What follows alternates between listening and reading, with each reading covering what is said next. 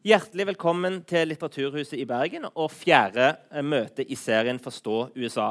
Serien er et samarbeid mellom Tankesmien Civita og Litteraturhuset i Bergen.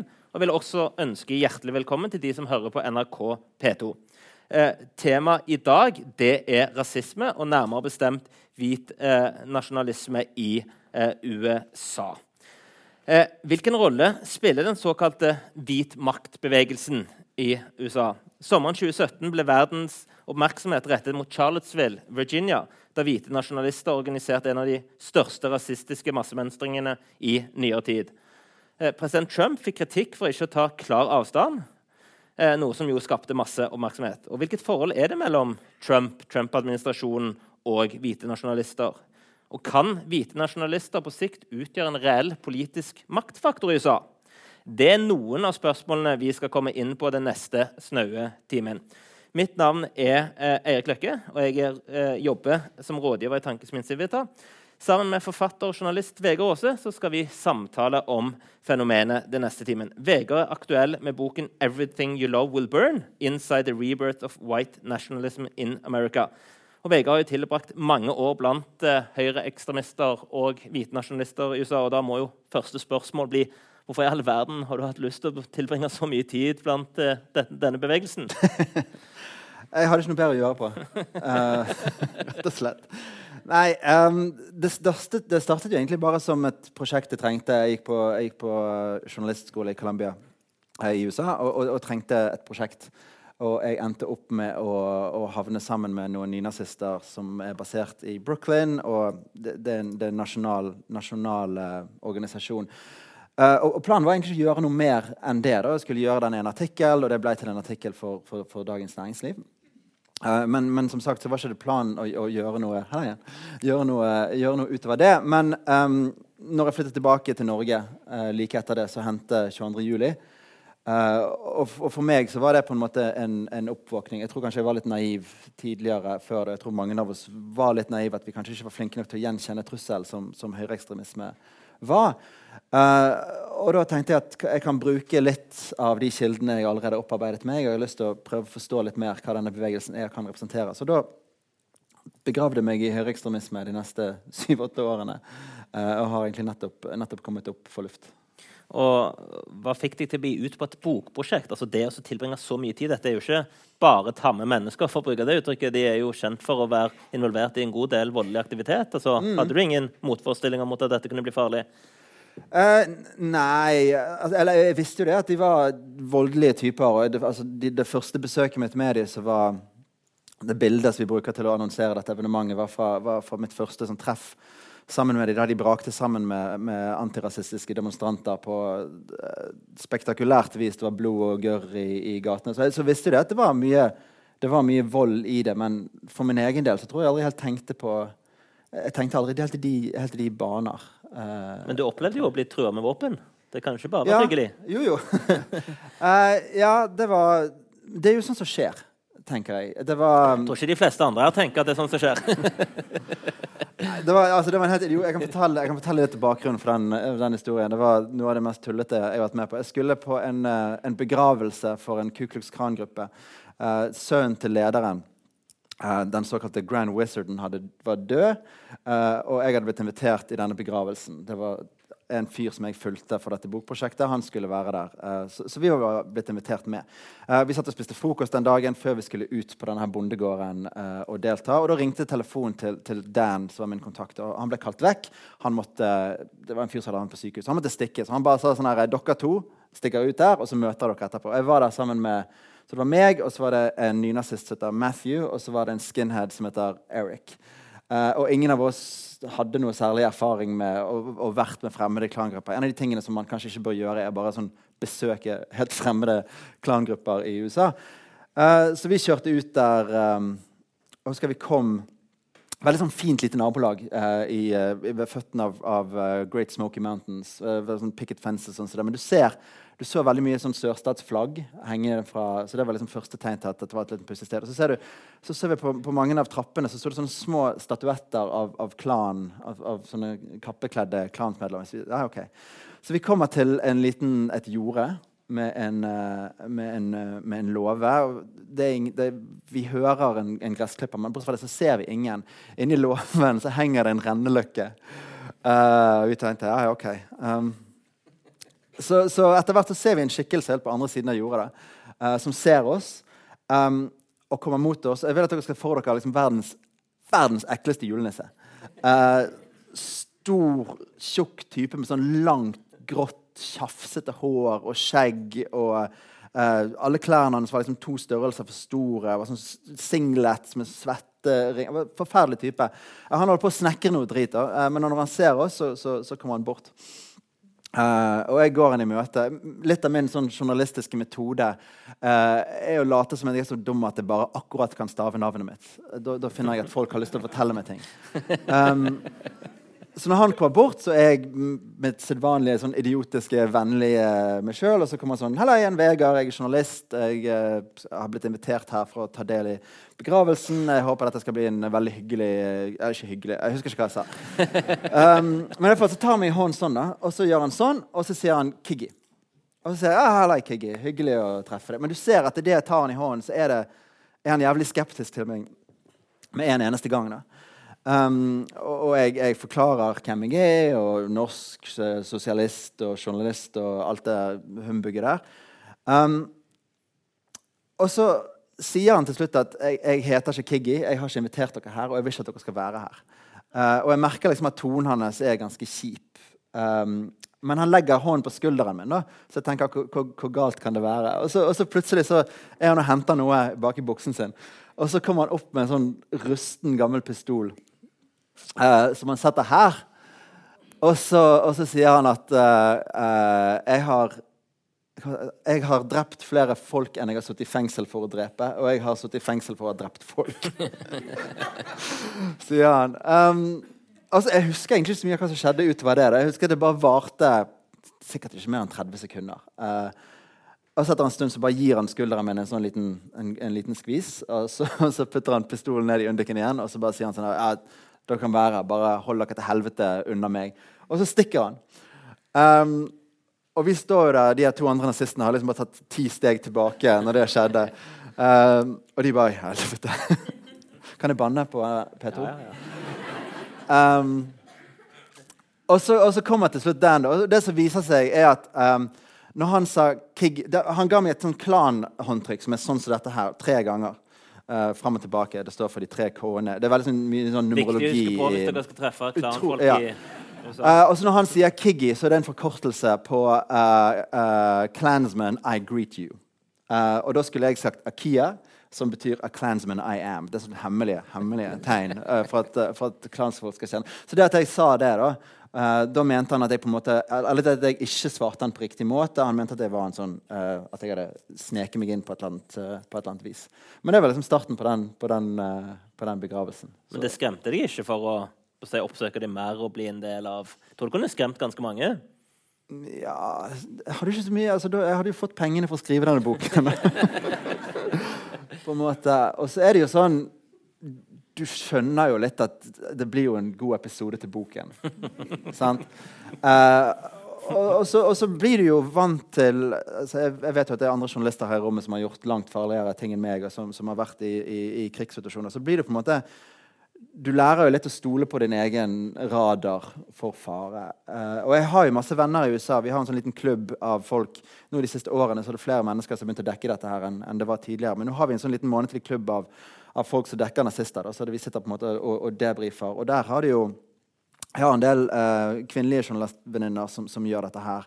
Og jeg kjenner jødiske journalister og svarte journalister. Så deres risikovurdering er jo en total annen eh, enn en den jeg har. Altså, jeg er jo veldig Du Passer ganske godt inn. ja, det er jo nettopp det. altså Se på meg. Um, de, selv om de vet hvem jeg er, og de vet jeg er en journalist, sånn som det, så er jo ikke jeg en konstant visuell uh, påminnelse om at jeg kommer utenfra. sant? Så jeg, og, og det at jeg, gjorde, jeg har gjort dette her i syv-åtte år, gjorde at de, til slutt glemte hvem jeg var. på en måte. Der var Vegard igjen. liksom. Så, så, så jeg tror det holdt meg trygg. Altså, det var jo trusler og det var jo mye eh, drit og faenskap som skjedde, men i det store og hele så tror jeg ikke jeg hadde så mye å være redd for. Nettopp. Vi, vi kan komme litt tilbake til hvem flere av disse personene er, men jeg har lyst til å følge litt opp med å spørre om var det lett å få innpass? Det, gikk det greit å komme inn i miljøet? Nei. Det ble jo lettere og lettere. Når, når jeg startet med dette her i 2010, så var det ingen egentlig som dekket høyreekstremisme i USA. Uh, og det er, ikke, det, er ikke, det, er ikke, det er, ikke, for å si at jeg liksom spottet en trussel før noen andre gjorde det. Det var bare ingen som gadd, for de var ikke en faktor. Vi, vi, vi hadde nettopp valgt inn Obama. Um, tea Party husker dere Tea Party? Det var liksom de skumleste. Uh, så, så, så, så, når jeg gjorde det, så, var det ingen som dekket de, og de var veldig skeptiske til, til journalister. i det hele tatt. Så jeg begynte Uh, og gå på alle disse internettforumene og, og nettsidene. Um, og, og Høyreekstremister klarer ikke å lage internettsider. alle internettsidene ser ut som de laget fra 1992. Masse sånn giffer og ting som snurrer, og musikk og marsj og faenskap. Um, så, så, det var veldig vanskelig å få tak i. det. Så jeg hadde egentlig gitt opp, og så etter en stund så plutselig en dag så fikk jeg svar på en e-mail uh, fra en fyr som presenterte seg selv som Duke Schneider, kaptein i SS Waffen, divisjon, uh, divisjon Brooklyn. så, okay. så, så, så, vi møttes. Um, jeg sa bare ja, men kan, jeg, kan, vi møtes så kan jeg presentere meg og fortelle litt hva jeg, jeg, jeg gjør. på. Vi, vi, møttes en hel haug med ganger på en måte uh, sånn off the record. Um, og det, det var jævla vittig. Vi møttes alltid på Brooklyn er kjempestort. Da. Vi møttes alltid helt, helt sør i Brooklyn, i et nabolag som heter Sheepside Bay. Sikkert en time på Subwayen fra der jeg bodde. Um, og hver gang vi møttes, så sto han under um, Akkurat der så går toget over, over, bakken. Så han sto liksom under den togovergangen. Så sto han i skyggen. Um, liksom under der. Og Duke er Han er kanskje så høy, og så er han så tjukk. Uh, og så gikk han alltid med sånn trenchcoat. Uh, jeg tror han hadde liksom forstått at hvis han skal ha hemmelige møter, så måtte du gå med trenchcoat. Så hvis, hvis, liksom, hvis, du ser for deg at hvis du tar en sånn liten trenchcoat og prøver å ta den på en appelsin, så får du litt sånn uh, inntrykk av hvordan han så ut. da. Og så, og så, møttes vi der, og så satt vi oss inni hans gamle jævla Hundai og kjørte på kryss og tvers. For han mente at han ble forfulgt av liksom, CIA og NSA og FBI. og Alle disse, her, alle disse menneskene forfulgte han. han altså, det var ofte han droppet møter bare fordi han hadde sett en bil i gaten. som han ikke kjente igjen. Uh, men vi endte alltid opp liksom, sånn, to kvartaler nede på samme kafeen. Så det var liksom, hvis noen som fulgte etter oss, så kunne de bare blitt stående der. Og så 20 minutter etterpå så ville vi dukket opp rett der nede. Men dette det, det holdt vi på med dødslenge. Sikkert noen måneder. Jeg møtte han og møtte datteren. Vi satt og spiste kake og, liksom, prata, og endelig ble jeg invitert på deres årlige uh, convention. Dette, var, dette, er en gruppe som heter The National Socialist Movement, som er den største nynazistgruppen. Og da var det også veldig sånn Du får ikke lov å ha med telefon. Eller vi, vi, vi forteller ikke deg hvor hen du skal. Bare møt oss her, så kjører vi deg. Du får ikke lov til å ta med telefon. Uh, uh, så, så min, jeg skal måtte fortelle min samboer uh, Marianne at um, jeg skal på helgetur med noen nazister. Jeg vet ikke hvor, og du kan ikke få tak i meg.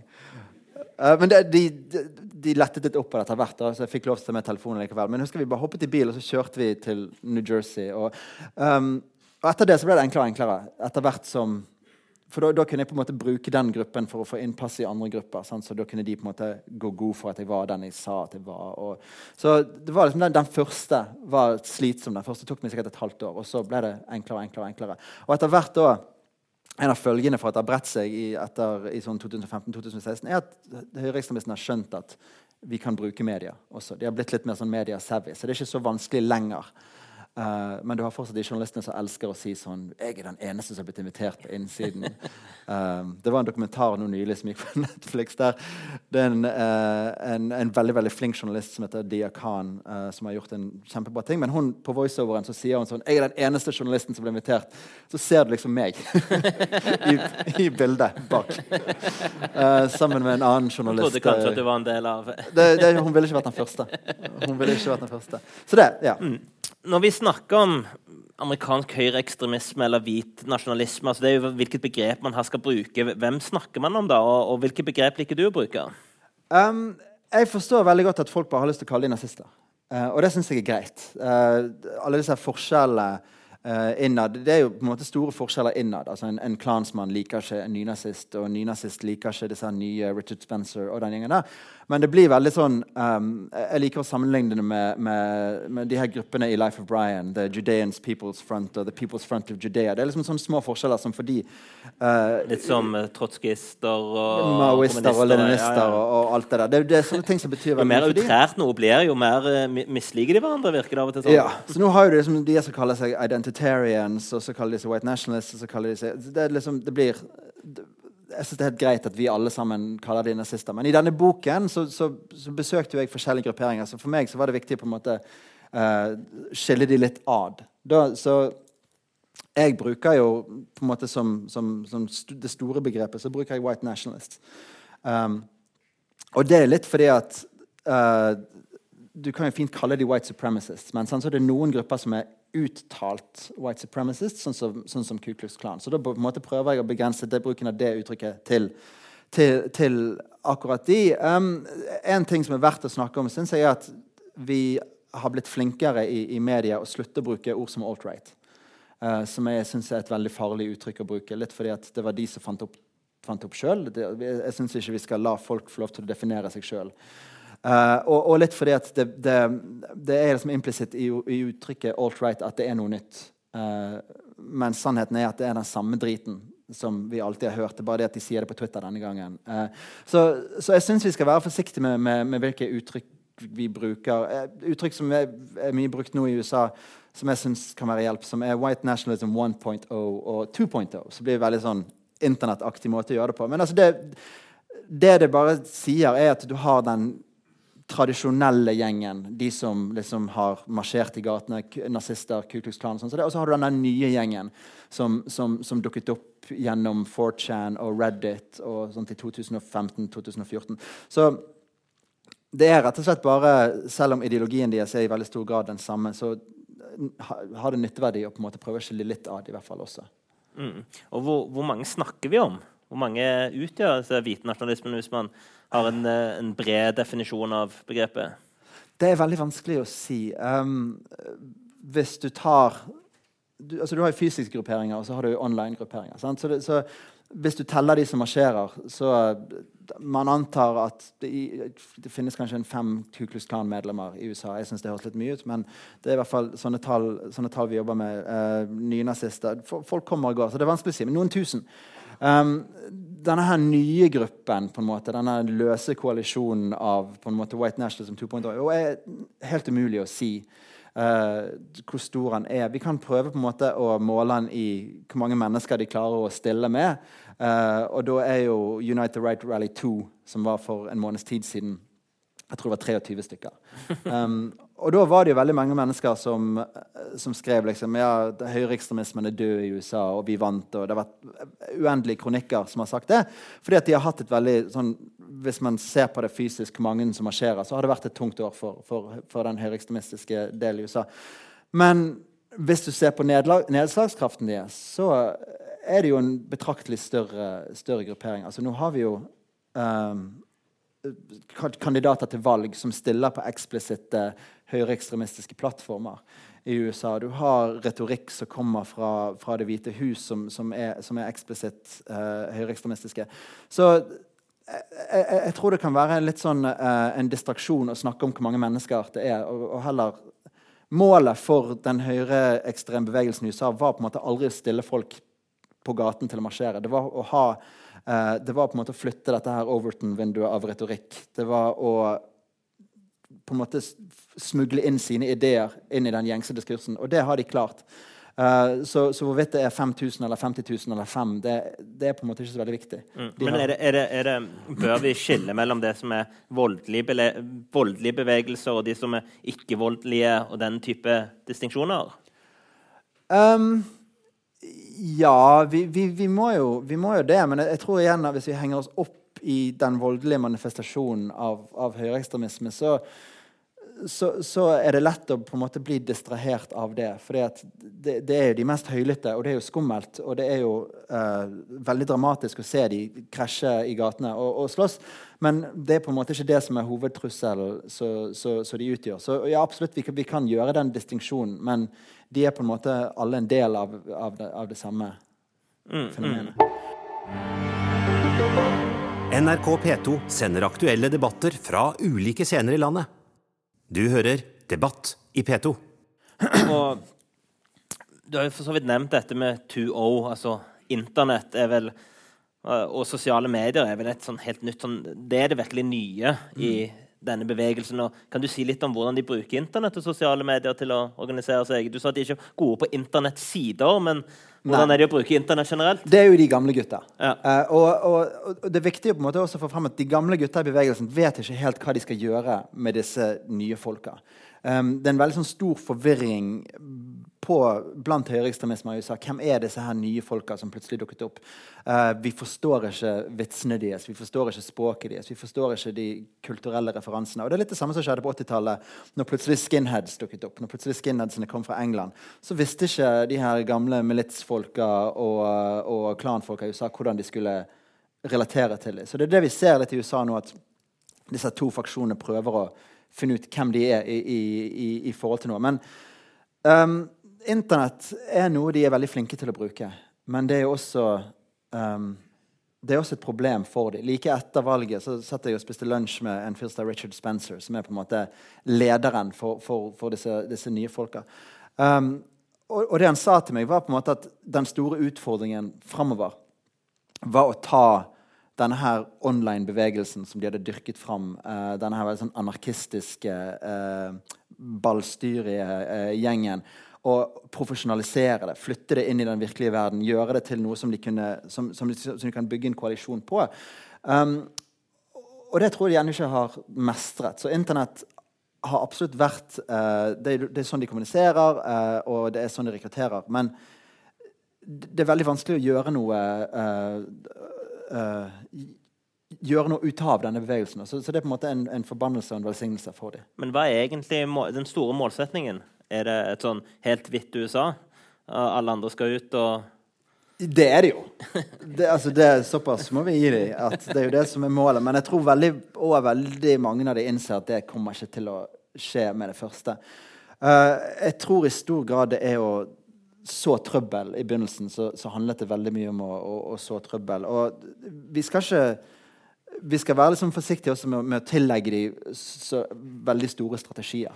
I, I, veldig stor grad så er dette her bare eh, sinte, usikre menn i, i 20-årene som, som, som, som, skaper kvalm. Men hvis du ser på lederne og den strategien de har, så er det absolutt å, eh, å infiltrere den politiske, den politiske, diskursen. Det er å få sine kandidater inn. De driter i veldig stor grad i, at, i at, uh, at det forrige United Right Rally 2 var en, var en fadese. Det er ikke det som er poenget. Så de, de, vil bare på en måte få inn sine ideer, og det har de hatt veldig stort hell med. Mm. Mange av oss, eh, eller i hvert fall meg, har jo et sånn bilde av, av amerikansk høyreekstremisme eller nazisme. Det uttrykket fra American History X som kom på slutten av 90-tallet. Har du sett filmen? Hvor godt passer den filmen til å beskrive Den filmen beskriver jo bare én gruppe. Egentlig. Mm. Altså, den, den, beskriver en gruppe som heter The Hammerskins, som er en av de skumleste gjengene jeg noen gang har vært borti. De er tidligere fengsels-skinheads. De har ingen politikk utover å slå det første de har foran seg. Um, så de er De eksisterer. Jeg har vært på en del treff uh, altså, De er bare voldelige folk. En gang så, så, jeg, så jeg fem stykker hoppe på hodet til en fyr til øynene falt ut. Um, men det, det veldig, jeg tror det er veldig lett for oss å tenke når vi tenker på nazister, så tenker vi på disse folka her. Og vi tenker på uh, folk uh, som går i, i klandrakter, og vi tenker på folk som marsjerer med hakekors. Um, og det tror jeg er litt farlig, for det, det, det, gjør at vi tenker at de er i hvert fall ikke oss. Uh, at det er et eller annet fundamentalt annerledes med en nazist. Det kan, det kan, aldri være oss, for vi er ikke sånn. Um, og jeg tror hvis vi bør ha lært noe, hvis vi har lært noe av liksom, den siste tiden, så er det det at nazister er høyreekstremister, rasister, er en del av oss. De kan, være, de kan være hvem som helst. Og jeg tror det er det vi må prøve å få øynene litt mer Mm. Du, du, beskriver jo flere personer i, i boken. Og, og, en av som kanskje bruker uttrykket hovedrollen, for å si det sånn, det er jo Matthew Heimbach. Heimbach. Heimbach. Mm. Ja. Eh, fortell litt om, om, han. Han tilbrakte du mye tid med. Ja, uh, Matthew er en interessant type. Han møtte jeg uh, Jeg møtte han utenfor Hvert år så har uh, republikanerne CPAC i DC som er en sånn stor konvensjon for unge konservative. Um, jeg møtte han utenfor der, der han sto og demonstrerte. Uh, og, og skjelte ut republikanerne. Um, og, og, akkurat da så var han leder for noe som het White Student Union, som var en, en serie med, med universitetsorganisasjoner. Uh, veldig liten, da, men det var uh, Han kalte det White Student Rights. basically. Det var en, um, en fascistisk gruppering. Men det som var interessant med han var at han, var, han hadde en slags visjon om å fjerne uh, nynazismen fra høyreekstremismen. Han ville ha vekk, uh, han ville ikke ha snakk om hakekors og Hitler og, og alle disse tingene der. Han mente at vi det var kan, dårlig brand, dårlig det var. Ja, det var dårlig brandbygning. Han, han mente også det at um, Han hadde bl.a. blitt uh, dette, endorsed, støttet av, uh, av, Nation of Islam, en av de som, som, tidligere var Black Panthers, for at han var for, han var for separering. Så han mente det at dette her trenger ikke være en sånn uvennskapelig separering. Hvis uh, de svarte kan få den delen, så tar vi den delen, og så kan vi være venner. Liksom. Så det mente han. Um, han var veldig flink med presse. Han, han hadde gjort en, en, dokumentar med Vice før jeg møtte han, uh, der han, han, sa ting på en sånn hyggelig måte, men, men de var, samtidig de tingene han sa, var også helt forferdelige. Så det, han, han, var et godt intervju, rett og slett. Um, så da jeg møtte han, så hadde han en sånn visjon om at han skulle samle hele den amerikanske høyresiden. Ikke bare de tradisjonelle gruppene, men han skulle også fri til konservative, som, som på en måte satt litt på gjerdet. Uh, så jeg tenkte at hvis jeg har lyst til å måte, se hva som kryper og går på høyresiden, så kan jeg bli med han. Så liksom hopper jeg på han med, med hans store prosjekt. Uh, og, så, og, så, ser vi også hvordan han har tenkt å fri til liksom, denne Tea Party-typen av, av, uh, av, av, konservative. Um, så, så, egentlig så bare, jeg bare ble med han da, etter hvert som han besøkte grupperinger. Og han hadde mye interessante tanker. Det var til og med ting vi var enige om. Han har en stor forskjellighet for fagforeninger. Uh, og jeg, siden jeg er norsk, også har en veldig stor forskjellighet for, for fagforeninger. Vi brant begge to liksom, for, uh, for Palestina-saken. Uh, han av andre grunner enn meg. Men Og så var han på en måte Han var OK å snakke med. Altså Når du tilbringer masse tid med skinheads og med klanfolk, så hører du så mye sinnssyke ting.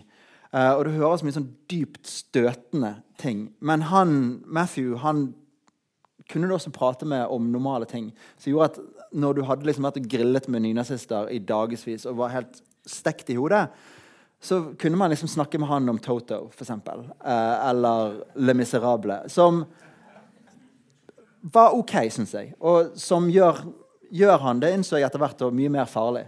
Altså han var mye mer akseptabel. Til og, med, og jeg begynte liksom å måtte spørre meg sjøl litt sånn Er jeg litt for kompis med han til tider? Sant? Så han var, han var, vanskelig. og jeg, jeg, snakket veldig mye med andre journalister som dekket det samme, og med FBI-folk som har dekket høyreekstremisme. Det, det er disse menneskene du må være forsiktig med. De menneskene du innser at å ja, han er jo en person akkurat som meg. Så Hvilken rolle har han i dag i amerikansk offentlighet?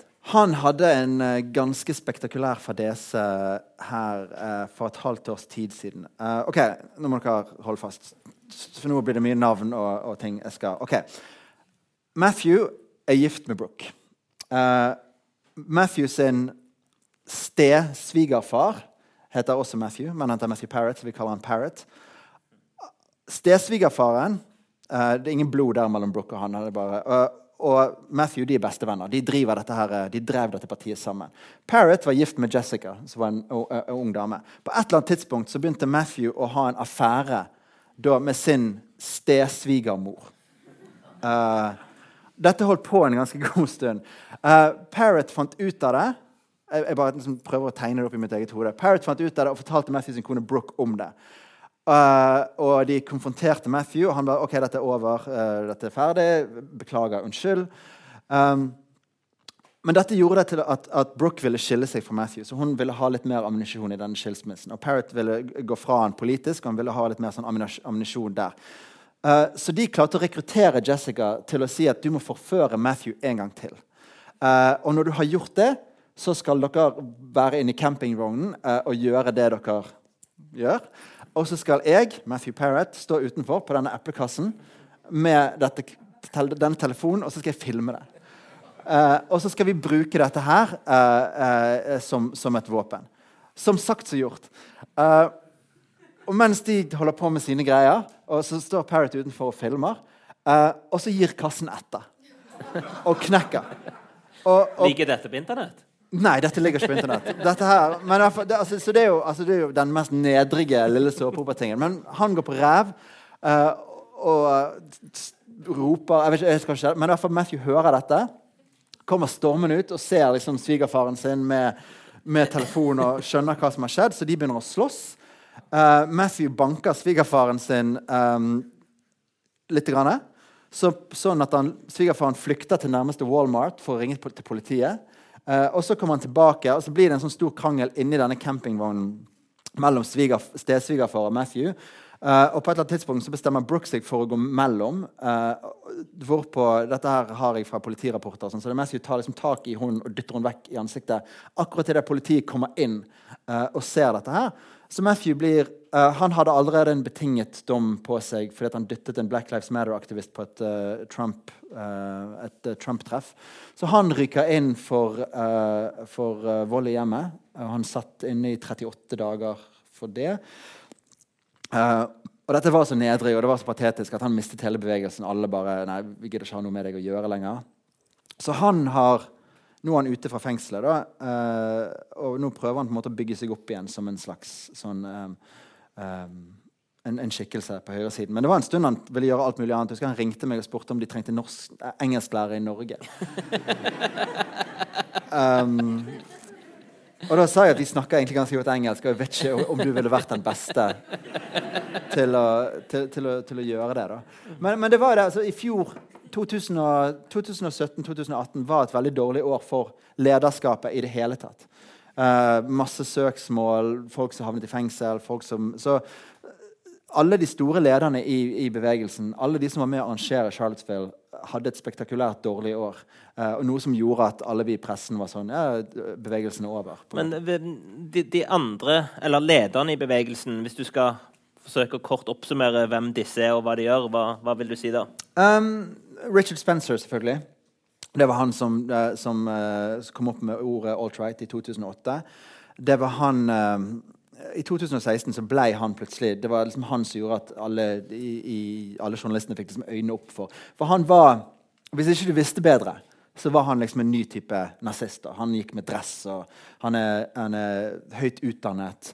Han snakket på han, han, han, snakket normalt, liksom. Som, så hvis du, hvis du, var litt historieløs, så kunne, du, så kunne, du, på en måte tro at dette var noe nytt innenfor høyreekstremisme. Selvfølgelig har vi hatt dresskledte nazister i årevis. Han var typisk demagog? Veldig typisk demagog. Og det var, uh, det var en profil av han i Rolling Stone, og det var, det var en profil av han i Mother Jones. Det var bare sånn herre uh, Richard Spencer ser ut som en uh, fotballspiller der han kommer i sin tweed-dress. Det var sånn oh, Come on. Um, men i hvert fall, så han, er jo, han var jo i hvert fall en stor leder. Uh, etter at han, Det var han som ble slått ned på inauguration day. Uh, etter at det skjedde, så ble han en enda større leder. Det var liksom en sånn, da var ikke han bare en sånn nerd. Da var det en fyr som sloss for saken. og sånn så, så han hadde en veldig god periode etter Charlottesville der han hadde store treff på universiteter. Han ble veldig flink til å annonsere at han skulle tale på det og det universitetet. Eh, så kom uh, motdemonstrantene og truet med vold. og Så prøvde uh, universitetet å si nei, vi kan ikke ha deg der. og Så gikk han til sak, og så tapte universitetet saken. så kom Han likevel. Han ble jævlig god på det.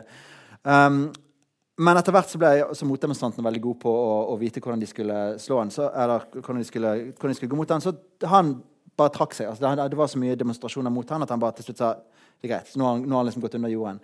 Uh, Andrew Anglin, som er en av de store lederne, han har en nettside som heter Daily Stormer som er det mest populære nynazist-nettstedet.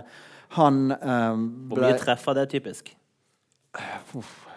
Hundretusenvis. Mer enn veldig veldig, veldig mange store aviser. uh, han uh, uh, har blitt saksøkt opp og ned, så han har på en måte gått under jorden ganske kraftig. Um, de aller fleste lederne gikk på forskjellige smeller. Charlottesville ble en veldig sånn traumatiserende opplevelse. for Det var mye søksmål som kom ut av det. Det var mye private opplysninger som kom ut av det. Så, så etter det så, så, gikk det veldig dårlig for, for, mange, av, for mange, av, lederne. Men, men, medlemmene er jo selvfølgelig der fortsatt. Mm. Da vil jeg bare minne nye lyttere om at du hører på P2 eh, fra eh, Litteraturhuset i Bergen, hvor Litteraturhuset i Bergen og Civita har en eh, samtale med Vegard Aase om hvit nasjonalisme. Og Vi har vært litt inne på noen av disse personene. Da har jeg også lyst til å spørre deg om Hva er det som motiverer disse personene? Er dette typisk sånn fattige mennesker som har hatt en vond barndom, hatt en vond bakgrunn, og så søker til eh, denne hvit nasjonalistbevegelsen for å få hva skal du si, anerkjennelse, altså en sånn mm. typisk forklaring som vi ofte hører? Jeg tror på et tidspunkt så stemte det. Uh, i, i, gamle dager, holdt jeg på å si, så, så tror jeg det var, det, var, det var, ganske riktig. Det var mye fattige, det var uh, utdannede, det var uh, militære veteraner. Det var liksom folk på utsiden uh, som søkte et eller annet, et eller annet fellesskap. Og, og, og, jeg tror det er ganske Det er jo mye mye forskning som sier at ekstremistbevegelser i veldig stor grad finner sine medlemmer av folk som er på utsiden, om det er eh, ekstremisme av alle, alle, alle typer. Så jeg tror det, var, det stemte veldig lenge. Men jeg husker for et par år siden så var jeg på en av disse store demonstrasjonene på et universitet som heter Auburn University i Alabama, som er et veldig elite universitet. Det koster en formue å gå der. Um, og så så disse gutta som jeg egentlig aldri har sett før. Det her var liksom uh, det, var, det, var, de som gikk i kakibukser og hvite skjorter. Uh, og husker jeg tenkte sånn, hva, hva, er det disse her menneskene her har å være så sinte for? Altså, på, på, alle mulige måter så er de helt på toppen av næringskjeden. De er hvite, velutdannede, rike menn i et land, i et samfunn som, uh, som fortsatt verdsetter det veldig høyt. Uh, så, så det, det, er fortsatt ikke helt godt å si, men jeg tror det er en sånn Det er en følelse av at et tog har forlatt dem. Det er en følelse, sånn, en vag magefølelse av at ting ikke er sånn som det en gang var for, for, for hvite menn. Det, det, det, er vanskelig for dem å, å, å sette fingeren på det. men så, så, Derfor så sier de sånne ting som innvandring eller eh, kulturappropriasjon og, og, og, sånne ting. Men det er rett og slett bare en følelse av at ting ikke er servert på et sølvfat til de i like stor grad som det var før. For de så er eh, fremgang eh, sånn, sånn, zero sum game. Hvis noen skal få mer rettigheter, så betyr det at de rettighetene må bli tatt fra noen andre. Eh, så sånn de ser det um, Det føles av å miste privilegier? Det føles av å miste privilegier. Og det er ikke det at, det er ikke det at kvinner for eksempel, får mer privilegier. Det er det at de tar privilegiene sine fra menn. Det er ikke det at, det ikke det at uh, svarte eller LGBTQ får mer privilegier. Det er det at de tar det fra de.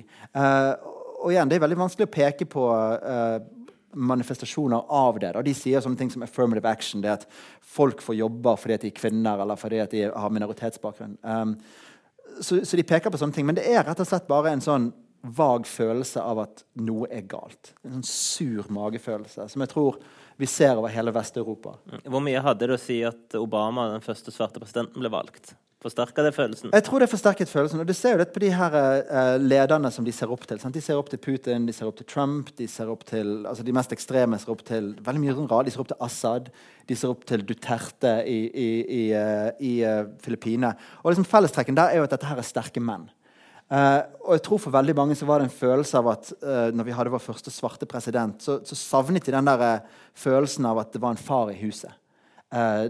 fordi at alle vet jo at den eneste, den eneste, typen som kan styre noe som helst, er hvite menn. Fordi at alle andre er jo helt ute. Så, så, jeg tror det Hvor passer Assad inn? da? Han er ikke akkurat en hvit mann. Nei, men han er en sterk mann. Han er en sterk mann som slåss for tradisjonelle verdier i deres øyne. Sant? Det samme, vi snakket jo så vidt om Putin i sted. Altså Det at han er en forkjemper for de tradisjonelle verdier, er jo helt gjennomsiktig populisme. Men det er sånn de oppfatter det. At han er noe som De kjemper for noe som var. De kjemper for å bringe tilbake noe som var. Noe de uh, tror var? Ja.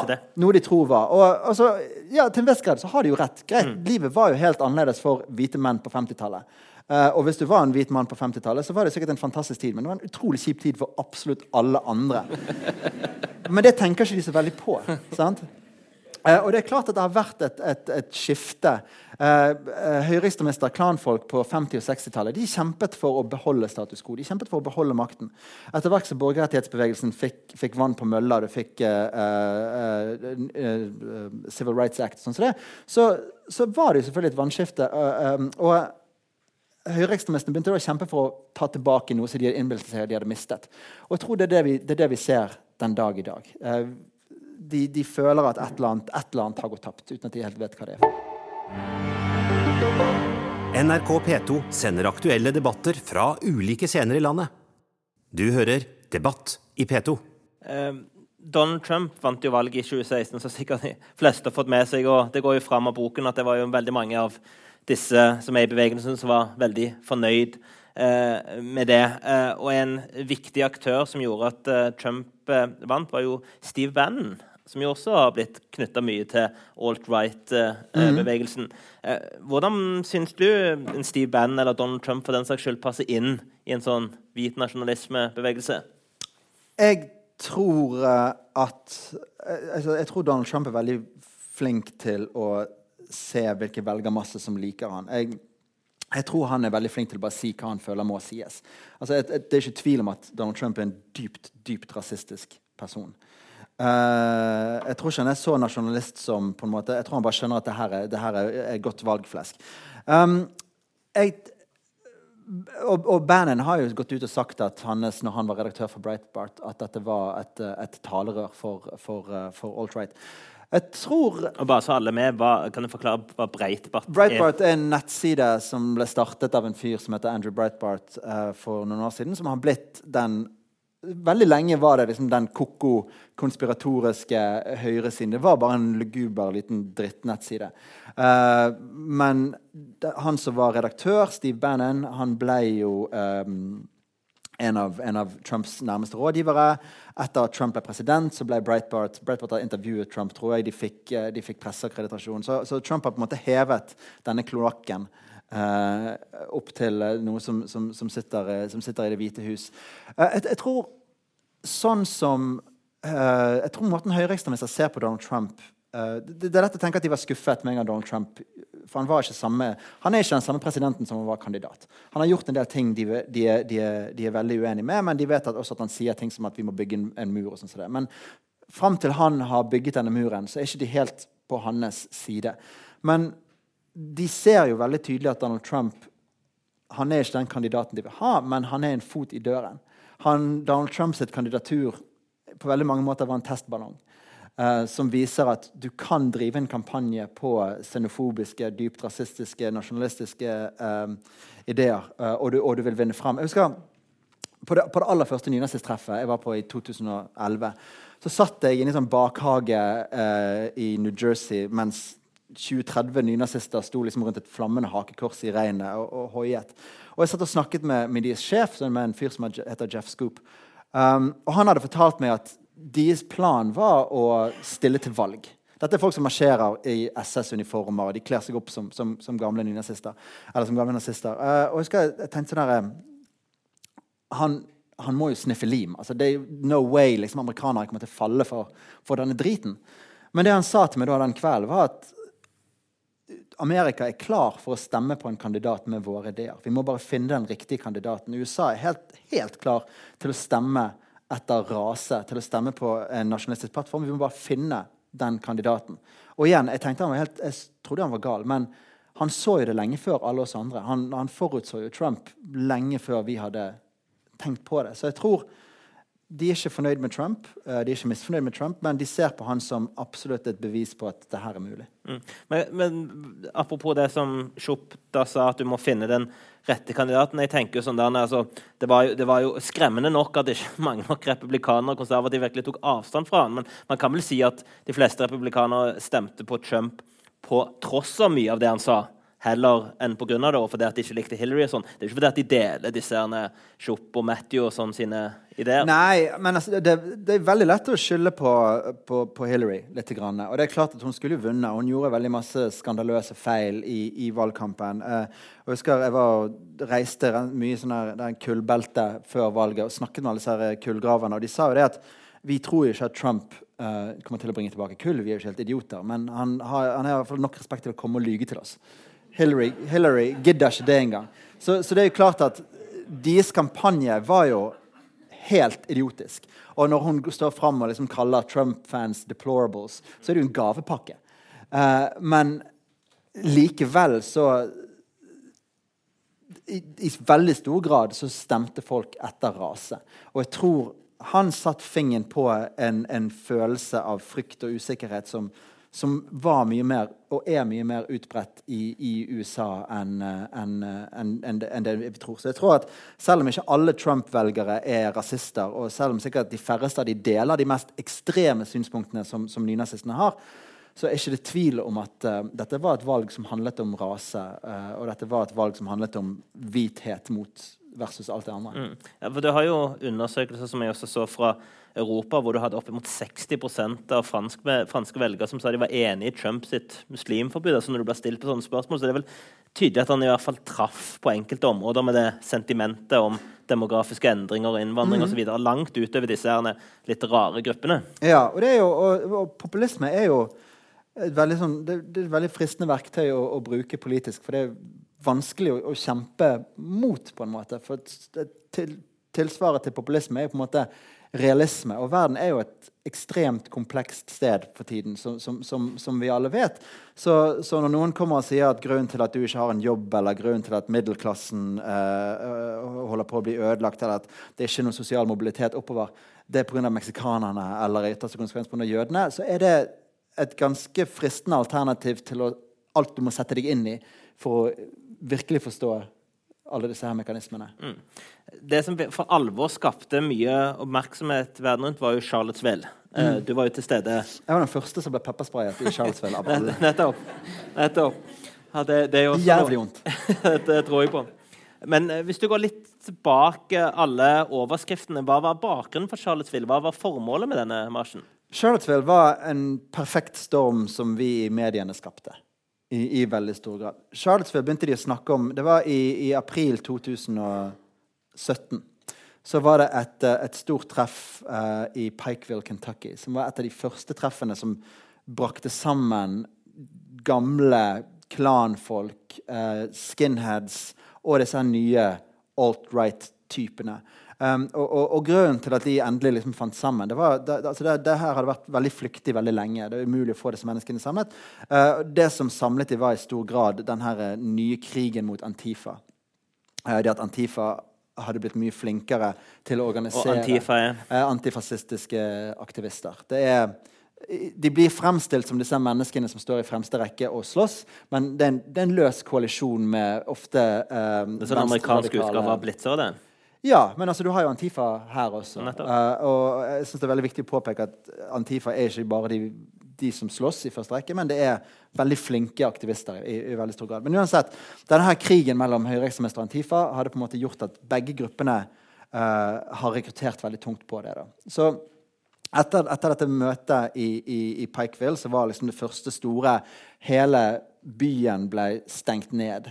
Uh, politi overalt, universitetet ble stengt. og sånn så, så tenkte de at ok, dette var en stor suksess. La oss prøve å la oss gjøre dette her en gang til. Så de begynte liksom å snakke om United Right. Og etter hvert så begynte uh, pressen å få, få snus i det. Og det var en veldig sånn forførerisk idé. Sånn, herregud, Nazister av alle farger og ideologier skal møtes. Shit, dette kom til. Så, så vi begynte å skrive om det. da.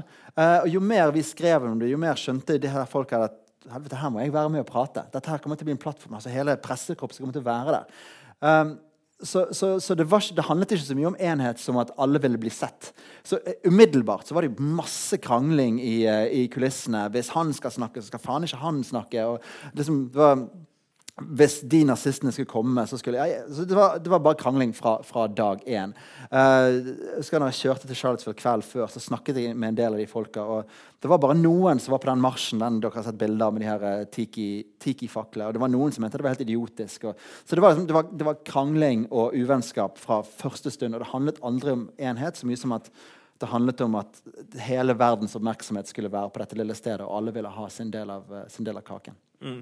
Og så fikk de jo for alvor masse oppmerksomhet når Trump greide å si at det var fine folk på begge sider av, av denne, denne marsjen. Det er, jo, Det er jo som eh, eh, Markus Jansen i 5080, altså den satirekanalen, sa at det, det går ikke an å lage satire på det her. Altså, president som sier at eh, fine folk på begge sider av en nazimarsj. Så mm, kan man da si at det her var vellykka bare pga. den uttalelsen fra, fra, Trump? Eller hvordan oppsummerer den hvitmaktbevegelsen dette måte, møtet? det var vellykket i den forstand at det var der de hadde ideen, uh, og ikke bare liksom, den ekstreme høyresiden, men også republikanere generelt hadde den gode ideen om at vi kan klare å skape et fiendebilde i denne her venstreradikale gjengen. For de ser jo skumle ut. Sant? De er kledd i svart, de har masker, og de er ikke redd for å bruke vold. Så, de, så veldig tidlig da, så skjønte man at hvis vi klarer å presentere disse som en like stor trussel som nynazistene, så har vi kommet veldig, veldig langt. Og vi i presseverdenen også har gjort en veldig god jobb i å hjelpe de der. Altså Hver gang, uh, hver gang en Antifa slår ut kamera av hånden på en journalist, så syter vi og klager over at de er så voldelige. og sånn så, da, så da gjør vi de en, en, en veldig stor tjeneste. Um, Charlottesville generelt var um, mer en katastrofe enn en, en, en, suksess for dem. Um, akkurat der og da så var det jo veldig Den kvelden husker jeg det var feiring overalt. Og, men, men Eh, eh, altså en av de tingene som, som, som, skapte store frakturer, og umiddelbart etterpå så splittet bevegelsen seg helt. Og det var jo selvfølgelig uh, at Heather Hyer ble drept. Uh, og ingen helt visste hvordan de skulle forholde seg til det. Det var noen som gikk ut i media og sa at hun, var, hun kjempet på motstanders side. Dette er sånt som skjer, dette er krig.